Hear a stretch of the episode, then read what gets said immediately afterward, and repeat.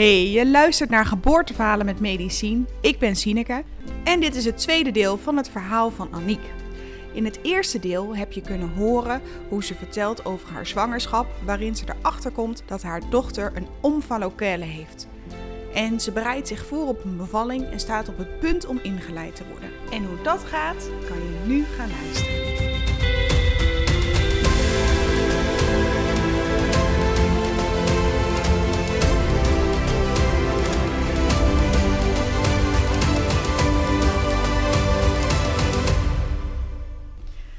En toen werd je dus uiteindelijk op vrijdag ingeleid. Ja, toen werd ik op vrijdag 2 juli eh, werd ik ingeleid. Er zijn een aantal bevalkamers en niet in elke bevalkamer past een bad. Dus het was weer een soort kansenberekening en een soort hopen. En ik had bij iedereen al ge- Lijntjes uitgegooid. van als er een kamer vrijkomt, dan wil ik daar. En eh, toen hoorde ik, denk ik, ochtends om een uur of eh, negen. Eh, dat ik inderdaad eh, in de bevalkamer was. Wat ook wel de balzaal werd genoemd. Waar dus echt heel veel ruimte was. Waar ook een bevalbad in zou kunnen worden opgezet. En eh, nou, ik was helemaal blij. Ik had er eigenlijk ook wel zin in. Ja, ik ging mijn, mijn dochter ontmoeten. Dus ik vond het wel heel erg leuk. En ik was ook heel benieuwd hoe ik die bevalling nou zou doen. Want ik had er zo erg naartoe geleefd. Dan zou er ochtends een echo gedaan worden. Om nog even te kijken hoe ons kindje ervoor lag. Of ze nog steeds goed lag. Dan zou er ook gekeken worden of ik nog week gemaakt moest worden met een pil. eh, of dat er meteen de oxytocine gestart zou worden. Dat is via het infuus dan. Ja. Ik moest ook een infuus eh, met antibiotica. Omdat dat dus is vanwege de GBS-bacterie. En zodat dan tijdens de bevalling geven, dan heb je minder kans dat je kindje daarmee besmet raakt. Ik kreeg ook meteen een CTG, dus er werden allemaal nou ja, apparatuur op mij bevestigd. Gelukkig eh, had ik een draadloos CTG, dus dat was ook heel erg fijn. Eerst ehm, kreeg ik toch inwendig onderzoek. Had ik 1 centimeter. Dus het hoefde niet meer per se verweekt te worden. Ze zouden met oxytocine starten. Ik had de opblaasbal en ik had allerlei dingen bij me om het een beetje relaxed te maken. Ik had een hele chille playlist. Ik kreeg nog een heerlijke voetmassage van de doula. eh, die dan mij zou helpen om eh, nou ja, ook de, de bevalling op bepaalde drukpunten in gang te krijgen. De afspraak was dat, ze, ehm, dat de oxytocine ervoor zou zorgen dat mijn bevalling zou starten. En dat we dan zouden kijken dat als mijn vliezen konden worden gebroken, dat dan de oxytocine weer gestopt kon worden. Om dan te kijken of de bevalling natuurlijk verder op gang zou komen. Dus dat was heel erg mijn plan. Dat ik dacht, oké, En de reden, je bedoelt dan dat de vliezen dus in het midden gebroken werden. Dat je echt gebroken vliezen zou hebben in plaats van die hoge vliesgeur. ja, Ja. precies. En dat, het dan, eh, dat je lichaam het dan eigenlijk begrijpt en dat dan de bevalling op eh, gang komt. Eh, uiteindelijk had ik bijna 2 centimeter ontsluiting. Als ze even goed doorduwde, dan past op twee vingers. Dus ze heeft uiteindelijk de vliezen gebroken.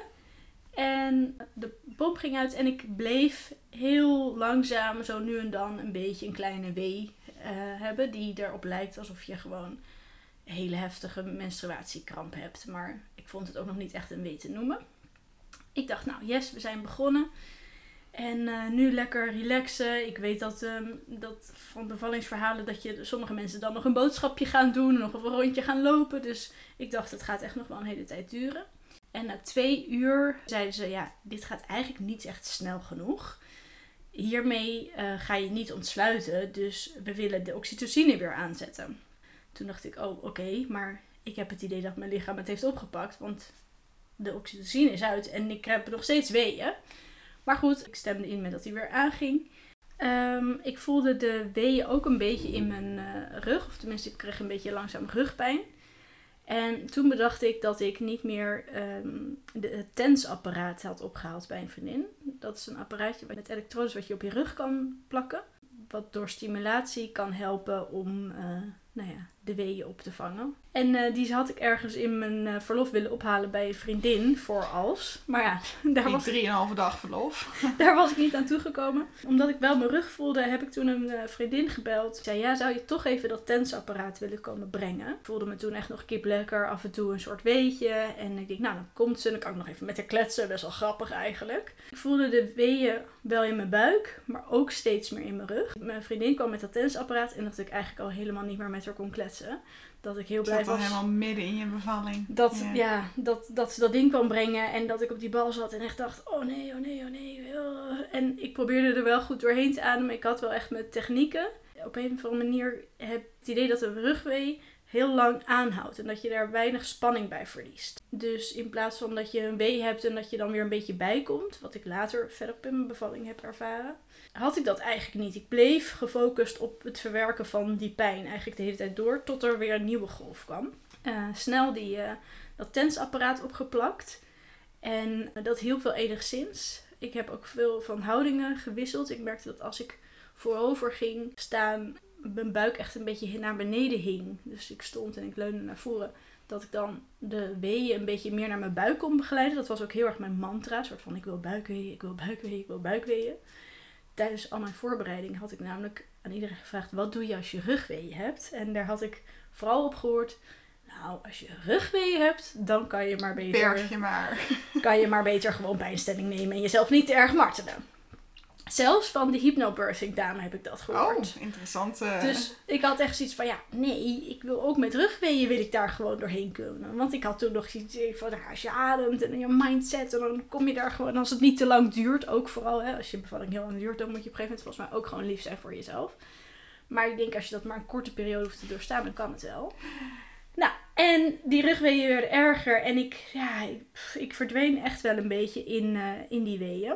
Waar ik van tevoren zei, ik wil niet eh, steeds getoucheerd worden om de vordering te weten. Zei ik toen echt een uur later, wil je even kijken hoe ver ik al ben? Daar ging je plan. ja, en toen zei ze, nee, je hebt nog steeds maar 2 centimeter ontsluiting.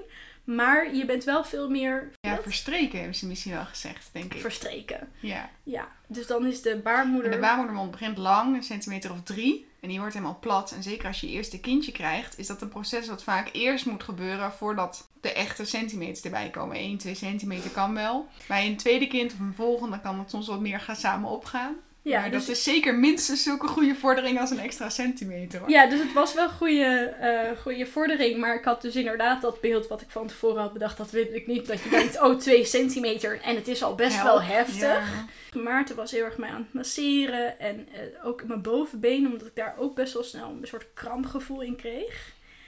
En ik denk dat het een uurtje later was. En dat ik echt dacht, ja, dit is echt best wel heftig. Ik was ze echt aan het opvangen. Ze kwamen denk ik ook wel regelmatig. En ik denk, ik ga dit niet nog zeven uur volhouden. Dat had ik dan in mijn hoofd, hè, als ik nog 7 Mhm. centimeter gemiddeld. Ook al wist ik dat het niet rechtlijnig was, toch, toch ga je je ergens aan proberen vast te houden. Nou ja, je weet wel dat een eerste kindje gewoon los van rechtlijnigheid best een aantal uren zou kunnen gaan duren. Ja. Ja, dus dat, dat inderdaad, dat is ook een goede reden. En, eh, en toen heb ik wel gedacht, ja, dan doe dan maar wel gewoon pijnstilling. Want eh, ik, ja, ik ga dit denk ik niet heel lang volhouden. Maarten heeft me echt nog zo goed als hij kon gevraagd, wil je niet even onder de douche? Wil je niet dat toch nog even proberen? Maar ik dacht echt alleen maar, als dat tensapparaat af moet... of als ik nu me moet gaan focussen op hoe ik in een bad moet gaan zitten... dan dat kan niet. Ik heb al mijn aandacht nodig om hier mee te dealen. Dus doen we maar wel toch die pijnstilling. Dan duurt het even voordat de verloskundige kwam. Toen gingen ze toch nog eventjes kijken. Nou, toen was ik wel in dat uurtje ook weer een centimeter opgeschoven naar 3 centimeter ontsluiting. En toen duurde het inderdaad nog anderhalf uur voordat de anesthesist zover was. En in die tijd werden de weeën echt een heel stuk heftiger. Ik ben echt helemaal in mezelf gedoken. Er stond wel een muziekje op, maar ja, ik was gewoon een beetje aan het heen en weer waggelen met mijn ogen dicht. Ik heb, eh, Maarten heeft af en toe wat, daar, wat dingetjes gefilmd. En je ziet ook echt dat omsluitpunt dat ik helemaal naar binnen ga. En, en, en dat ik eigenlijk ja, niet meer zoveel oog had voor wat er om me heen gebeurde. Ik begon echt ook heel veel kramp te krijgen in mijn benen. En toen, als de anesthesist komt, dan moet je helemaal kant en klaar op het bed zitten, rechtop. En dan nou ja, kan je dus even niet je ding doen. En dat vond ik al een hele uitdaging. Dat ik denk, ja, maar ik moet per se in deze houding staan, want anders dan kan ik hier niet mee omgaan. Toen werd ik op het bed gezet en begon ik dus ook echt helemaal te trillen. Dus ik, ja, ik had zoveel spanning in mijn lichaam. Ik weet nou niet meer of het van de pijn was of...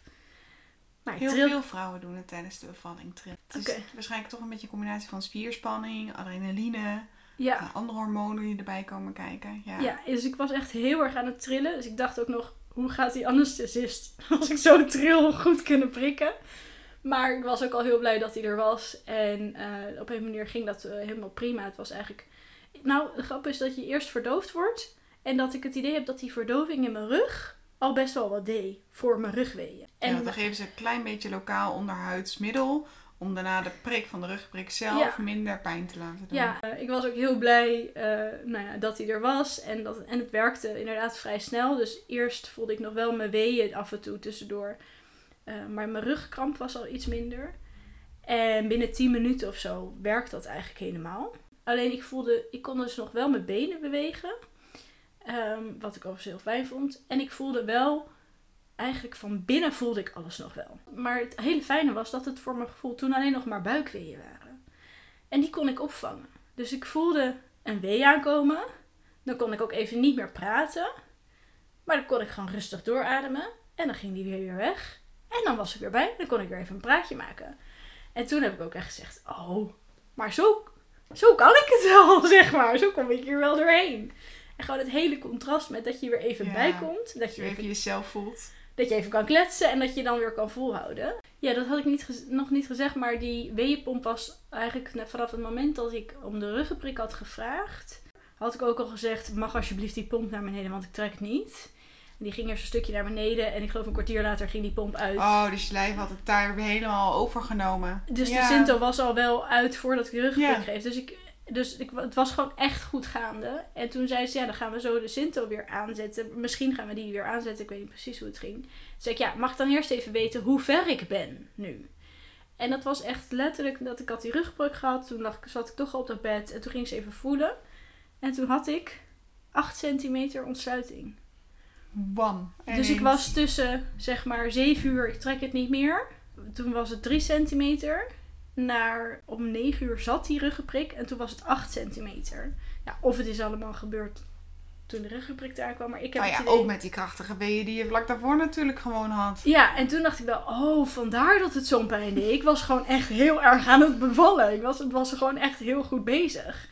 Toen dacht ik nog wel even, oh, was het dan nodig geweest? Als ik nu al 8 centimeter ben en je hoeft nog maar even, had ik het misschien toch nog even volgehouden. Maar toen dacht ik, nee, dat persen is natuurlijk ook nog best wel een hele klus. Daar, het is wel fijn als je daar energie voor hebt en niet eh, helemaal ja, loopt te shaken, zeg maar. Hmm. Ik denk dat ik een uur later op ongeveer 10 centimeter zat.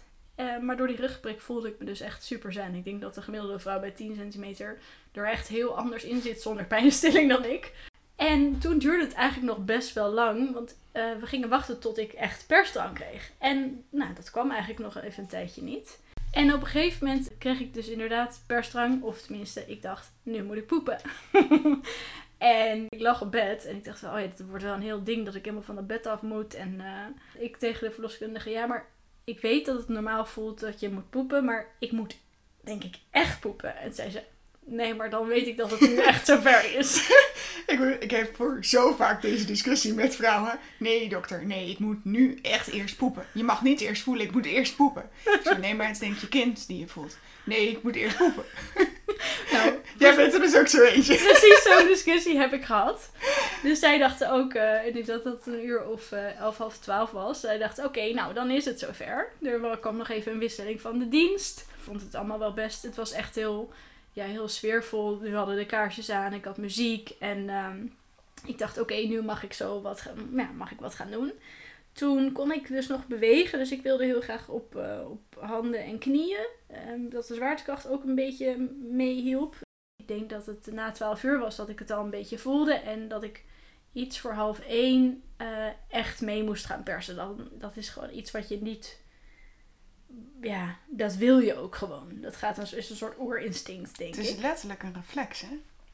Nou, dat is, dat is het. Dus dan ga je gewoon echt persen en dan ben je daar echt actief mee bezig. En dat ging eigenlijk heel zen. Ik had echt een soort eh, ja, jubelteam erbij. Dat ze heel vaak zeiden, ja, gaat hartstikke goed, goed bezig. Ehm, ik vond het zelf wel redelijk lang duren, omdat je wacht elke keer op die wee. En dan doe je heel erg je best, maar je weet nog niet echt of, het, of je soort van opgeschoten bent. In het begin is dat dan helemaal prima. En op een gegeven moment gaat het wel echt steeds meer pijn doen. Steeds meer druk voel je dan. En eh, toen vroegen ze op een gegeven moment ook aan mij of ik dan op mijn rug wilde gaan liggen. En daar was ik het eigenlijk niet helemaal mee eens. Want ik dacht, nee, ik heb juist overal geleerd dat je niet op je rug moet liggen. Dus mag ik dan in ieder geval op mijn zij liggen. Dus ik heb vooral op mijn zij gelegen, maar dan moet je ook weer je ene been een beetje vasthouden en ondersteunen dat er wel ruimte is. Ja, toen denk ik dat het hoofdje bijna stond, of dat ik bezig was het hoofdje echt naar buiten te duwen. En dat duurde wel, nou ja, ik denk vijf, zes weken dat je elke keer denkt: oké, nu is het hoofd er doorheen. Maar dat is helemaal niet zo. Of het glijdt weer een beetje terug. En ik weet nog dat het staat ook op een filmpje dat ik echt dacht: ik dacht dat ik er al was. Ik dacht dat ik er al was. Wanneer ben ik er nou? Soort van. Dat je dan zo hard aan het werk bent. Ja, en dat het voelt alsof het niet anders zou kunnen dan dat ze er dan is. Ja, uh, dat duurde echt best wel. Ja, ik vond het best wel lang duren. En uiteindelijk, de, de laatste week dat het hoofdje naar buiten kwam, heb ik volgens mij ook echt wel even een soort van uh, kreetje gehad. Ik vond het niet een, uh, een ring of fire, maar wel een enorme steek. en toen stond het hoofdje. Ik denk dat het of de volgende wee was, of eigenlijk al meteen dat het hele lichaampje eruit kwam. En toen werd ze op mijn buik gelegd. En ik was echt euforisch. Ik was zo euforisch. Ik, ik was alleen maar, ze is er, ze is er, ze is er. En ik was zo blij. Ze zat echt helemaal nog onder het smeer, want ze was natuurlijk uh, vroeg. Of smeer, hoe noem je dat? Ja, huidsmeer. Die huidsmeer. Ja, dus ik vond het heel bijzonder dat ze op mijn borst werd gelegd. Er stonden toen wel heel veel mensen om me heen. Want omdat zij dus een kwetsbaar kindje is, stond er ook een kinderarts bij en nog iemand. En er stond al een soort couveuse klaar. Ze zou wel in eerste instantie onderzocht worden in dat couveuse hokje naast, of aansluitend aan de bevalkamer. En ik had gevraagd om haar zo lang mogelijk op mijn borst te laten liggen. Omdat ik dat heel erg belangrijk vond. En ik zei, ja, ik wil, als het een noodsituatie is, natuurlijk, uh, neem er mee. Maar ik wil eigenlijk zo lang mogelijk met haar kunnen binden. En in de praktijk was het echt maar 90 seconden. En heeft de kinderarts toen besloten dat ze haar al uh, mee wilde nemen. Dus er werd de navelstreng afgeknipt. En uh, ging ze naar de kamer. Gelukkig had ik op dat moment helemaal niets. Ik had er geen erg in. Ik was er geen last van. Nee, ik was zo blij dat ze er mhm. was en dat het was gelukt. Dat ik dacht, oké, prima, nu wordt ze onderzocht, helemaal goed. Achteraf gezien heb ik daar wel moeite mee gehad dat, ze zo, ja, dat ik eigenlijk zo snel van haar gescheiden ben geweest. Het bleek ook nog een heel stuk langer, want zij werd onderzocht in de kamertje ernaast. En ik moest natuurlijk nog wachten tot de placenta kwam. En toen is wel de oxytocinepomp weer aangezet. En nou ja, mijn placenta kwam niet. Ik was ook niet heel erg aan het vloeien, dus ik kreeg daar best even de tijd voor. Ik denk dat na een half uurtje of twintig minuten werd Isa in de couveuse naast mijn bed gereden. En zeiden ze, nou, het gaat hartstikke goed met haar. We hebben er een beetje zuurstof gekregen. Maarten was daar de hele tijd bij geweest. Dat wilde ik heel erg, dat hij bij Isa was geweest. Het gaat echt goed met haar. Ze heeft een beetje zuurstof. En we willen haar nu naar de couveuse afdeling uh, gaan plaatsen. Maar ja, ik lag daar nog en mijn placenta zat er nog in. Dus ik moest daar nog eventjes op wachten. En na 40 minuten was hij er nog niet. En hadden ze al wel wat pogingen gedaan om mijn placenta te verwijderen. Uiteindelijk komt dan nog de gynaecoloog die nog de... De meest onaardige van het stel, zeg ik. Nee, dat is niet helemaal waar. Maar die durft altijd het hardst te trekken. Want als het niet goed gaat, is die ook degene die het op moet lossen, zeg ik altijd. Ja, dus zoiets. Dat had, zoiets had ik ook al een beetje begrepen. En toen ze dat had gedaan, toen begon ik dus wel uh, heel erg te bloeden. En ik ja, was verder zelf best wel relaxed eigenlijk eronder. Ik had het allemaal niet zo heel erg door. Was denk ik nog steeds euforisch.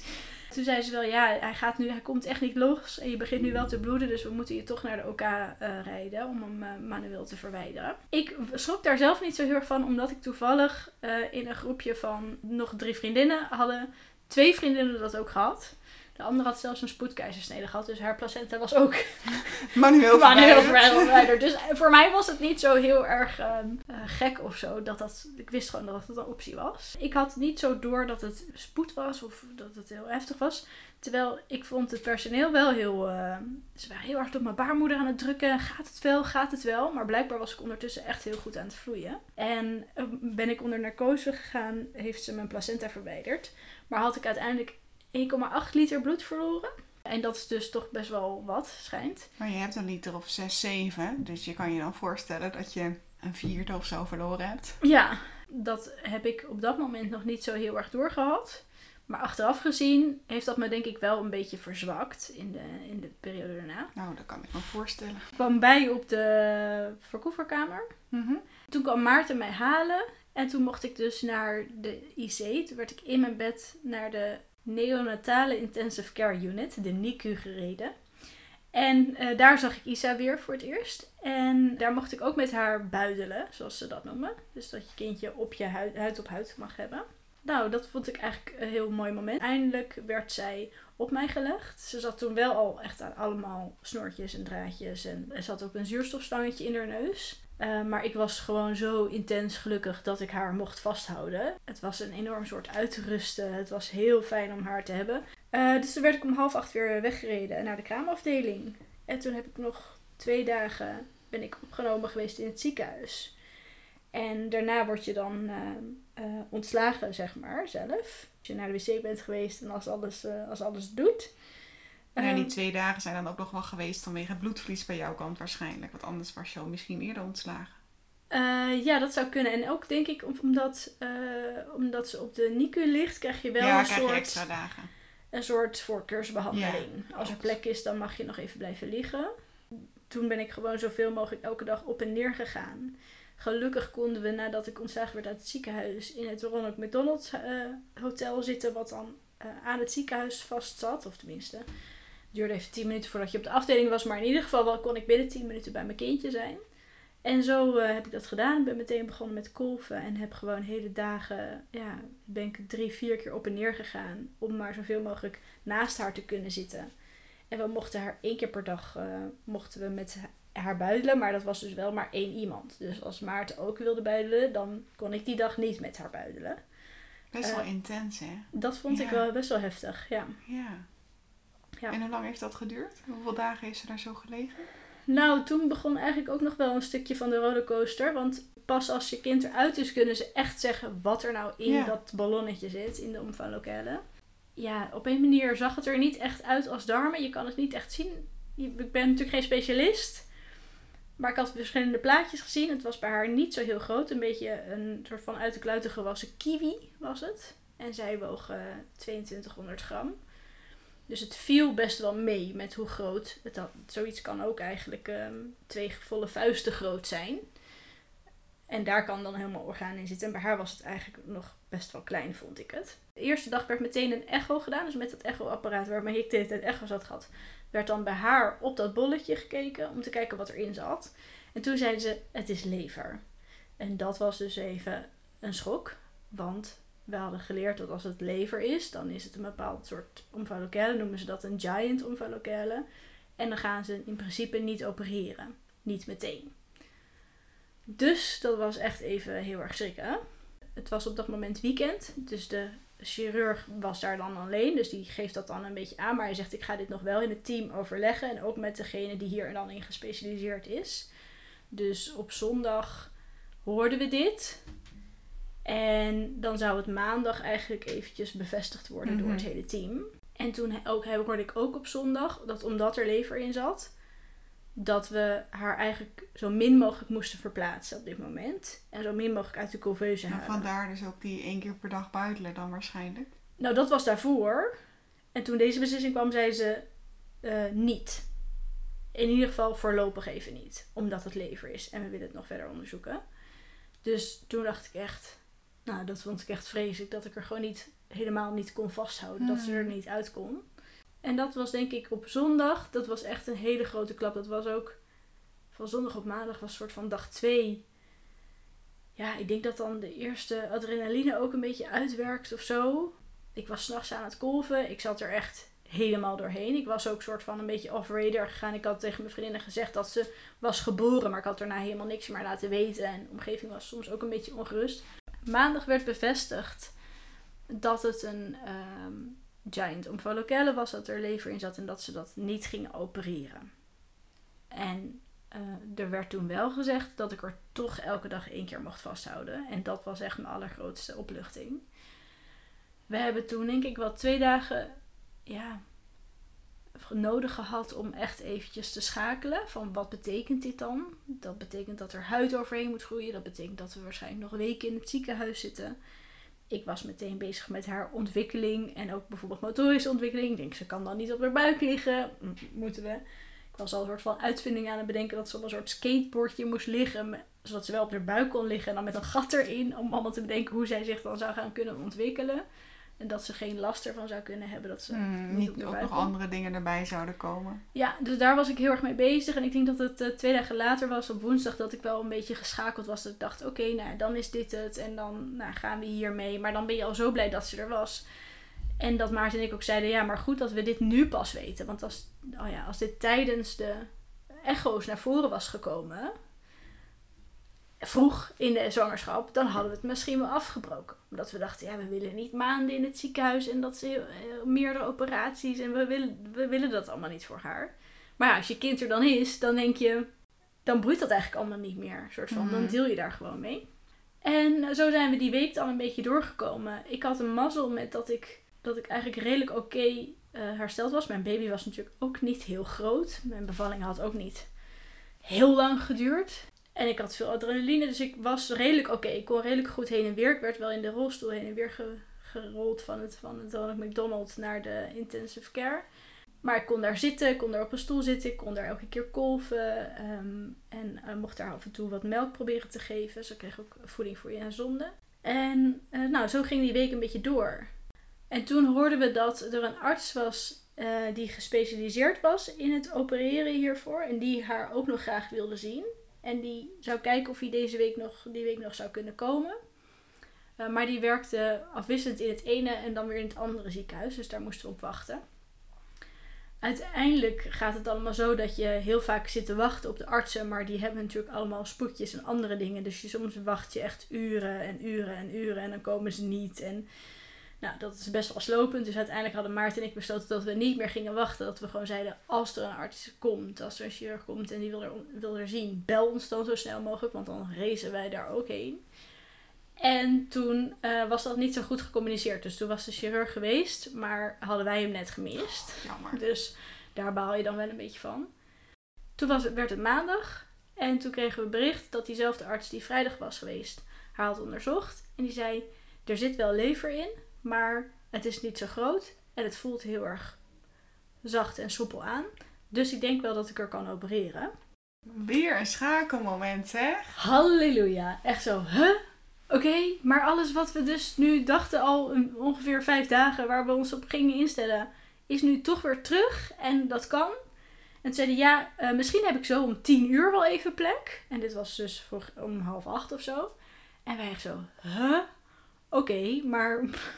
Oké, nou dit gaat wel heel snel. Maar ja, we willen wel even graag weten wat het dan inhoudt. En hoe lang het duurt en hoe ziet die operatie er dan ongeveer uit. En dat ging die allemaal vertellen.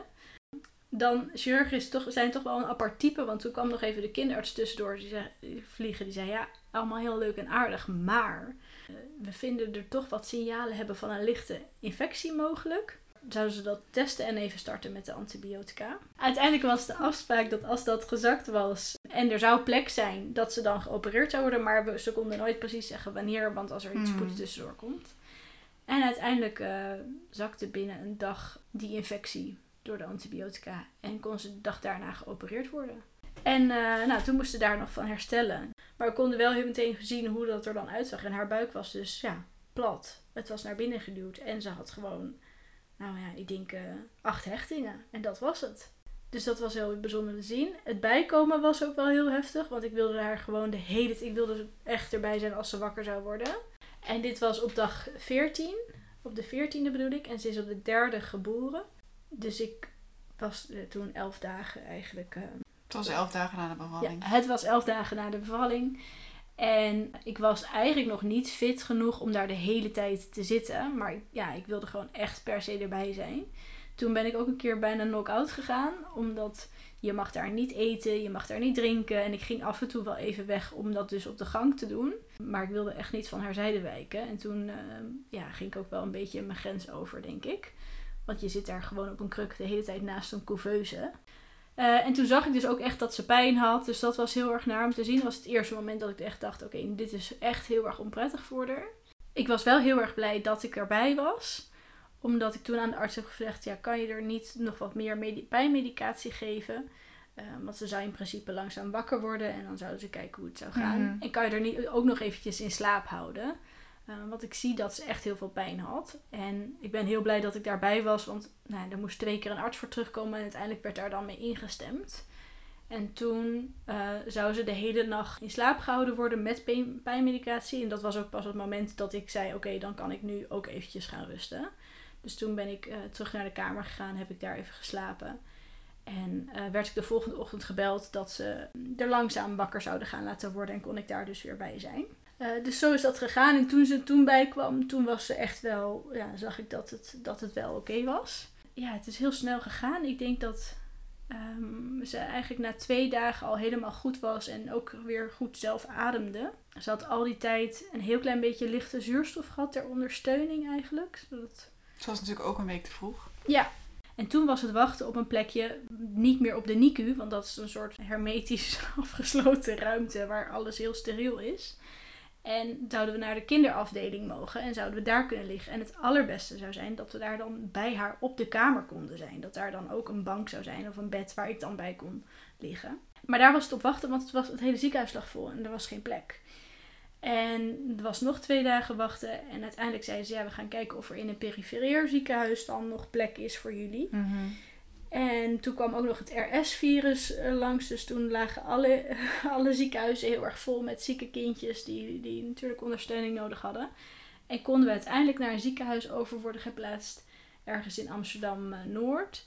En nou, de locatie vond ik helemaal niet erg. Maar ik zei, kan ik dan bij haar in de kamer liggen? En zei ze, nee, dat kan niet, want daar is geen plek voor. En toen heb ik gezegd, dan gaan wij daar niet heen. Dan, gaan, dan, wil ik, dan wil ik nu, ik wil gewoon bij haar zijn. Ik ga nergens meer heen waar ik niet met haar op een kamer kan zijn de hele tijd. Uh, maar kon ook echt niet meer daar blijven. En toen zei ze, ja, we raden toch echt aan om dat even te doen. Want ze, ze dronk al wel uit het flesje, maar ze liet nog wat heart rate dipjes zien. Dus als ze drinkt, dat dan die hartslag een beetje te ver naar beneden zakt. Ik zei, ja, maar dat gaat echt steeds beter. En als ik haar borstvoeding geef, dan, ziet ze, dan gaat het echt heel goed. En ik had wat ondersteuning gehad van de lactatiedeskundige daar. Dus ik wilde haar gewoon heel graag bij me hebben. En ze zag er gewoon goed uit. Ze werd ook steeds bewegelijker. Ze was inmiddels dus al uh, eh, 38 weken. Dus ja, dan heb je gewoon iets, iets meer aanwezig kindje dan bij 36 weken. En toen heb ik eigenlijk tegen medisch advies in haar mee naar huis genomen. Heel goed met Maarten overlegd. Um, dat ik zei, ja, we wonen zo dicht bij allerlei ziekenhuizen. Ik denk dat als zij continu bij mij is. Als, ik de hele, als een van ons op haar kan letten, dat het de allerbeste zorg is die ze kan hebben. Mhm.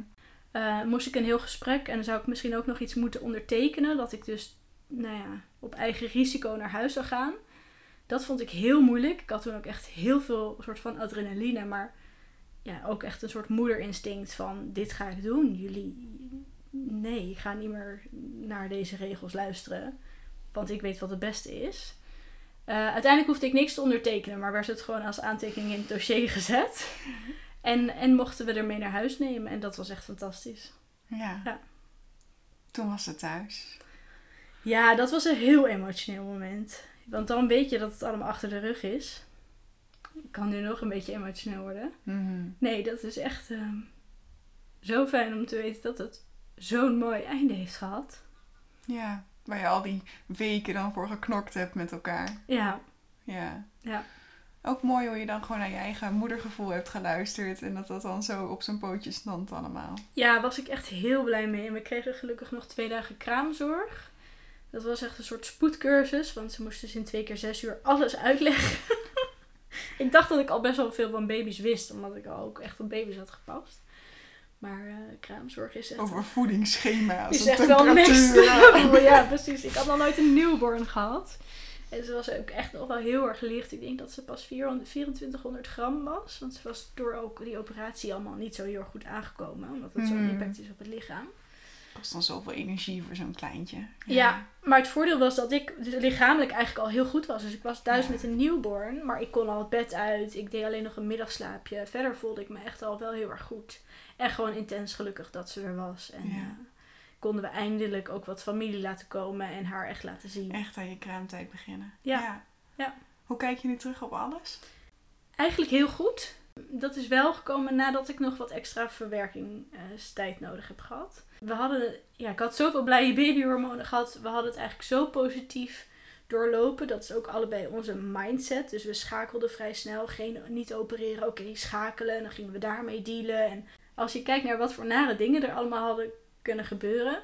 was dit zo'n positief scenario dat ik al die tijd het niet zo goed beseft heb wat we allemaal hadden meegemaakt. Dus de omgeving was heel erg uh, ontroerd en ook heel erg betrokken. En heel erg soort van, gaat het wel met jullie? En jeetje, wat heftig. En zeker mijn vriendinnen die allemaal net waren bevallen, die konden zich echt niet bij voorstellen. Dat ik soms echt dacht, zoals jullie het ervaren, lijkt het bijna erger dan zoals ik het ervaar. Want ik zat er middenin, dus je went er ook gewoon heel erg aan.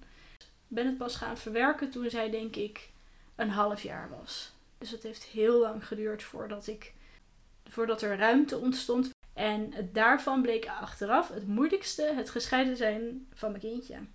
Dus niet de operatie of het wisselen of dit of dat, maar gewoon niet haar vast kunnen houden. En heb ik echt wel dingen verwerkt met de EMDR-therapie, dat is dus een soort traumatherapie met oogbewegingen. Dat dat gewoon het meest intense beeld was. Dat normaal bepaal jij als moeder wie je kind vasthoudt, soort van. Het is alleen de kaamzorg en ben je het zelf. En bij sommige mensen voelt het wel goed of niet. Of je wil alles. Ja. ja je bent echt een soort tiger mom, denk ik, als je zo'n newborn hebt. En dat had bij mij allemaal zich niet kunnen afspelen. Want ja, ik wist dat mijn kind zorg nodig had. Ik, ik, ik moest leven naar wat er nodig was. En eh, daar stond ik ook heel erg achter. Ik las laatst een post waar iemand zei: Je moederprogramma heeft zich niet af kunnen spelen. Je moederprogramma is gewoon als ergens je bevalling of na de geboorte er iets wordt verstoord, waardoor je niet de standaard natuurlijke dingen kan, zoals je kind zelf voeden en bij je houden en nou ja, in je eigen cocon houden uh, dat dan dat moederprogramma niet kan afdraaien. Ja, en, uh, wel goede uitleg van hoe het dan kan voelen. Ja, ja zo, zo heeft het denk ik wel gevoeld. En nu ik dat weer allemaal verwerkt heb, denk ik, ja, wat is het toch fantastisch eigenlijk allemaal gelopen. En wat ben ik ontzettend dankbaar voor de medische zorg hier in Nederland. En voor die fantastische arts die opeens haar toch kon opereren. En ja, ja wel vooral heel erg dankbaar dat het uiteindelijk zo is gelopen. Ja, mooi. Ja hey, en wat zou je meegeven aan alle zwangere vrouwen, vrouwen die nog zwanger gaan worden? Nou, dat is een beetje cliché, maar ehm, ook als je heel goed voorbereid loopt het waarschijnlijk toch anders dan je had gepland. Maar de goede voorbereiding maakt wel dat je makkelijker kan schakelen. En ik denk dat goed voorbereiden en altijd je vragen blijven stellen en eventueel zelfs die vragen drie keer opnieuw stellen aan aan een zorgverlener maakt dat je een gevoel hebt van, ja, regie is toch wel een soort mooi woord. Dat je er betrokken bij bent. Uh, controle is het absoluut niet. je hebt echt geen controle over een bevalling. Maar wel. Dat is misschien wel mooi. Geen controle, maar wel regie. Ja, ja. ja. En uh, dat, dat gevoel is denk ik het allerbelangrijkste. Ook als ik alle verhalen van vriendinnen heb gehoord, dan is de mate waarin je ervaart dat je dat, je, ja, dat het je niet overkomt en dat het niet voor je bepaald wordt. En je zelf regie hebt, dat bepaalt eigenlijk hoe positief je terug kan kijken op je, op je bevalling. Dankjewel. Graag gedaan. Dit was het verhaal van Aniek. Dankjewel voor het luisteren. Vind je het nou leuk om te reageren of wil je met mij in contact komen? Dan kan dat via Instagram, @medicine. En vind je het nou leuk om deze podcast te luisteren? Laat dan even een beoordeling achter in jouw luister-app. Over twee weken zal er weer een nieuwe aflevering verschijnen. Tot snel!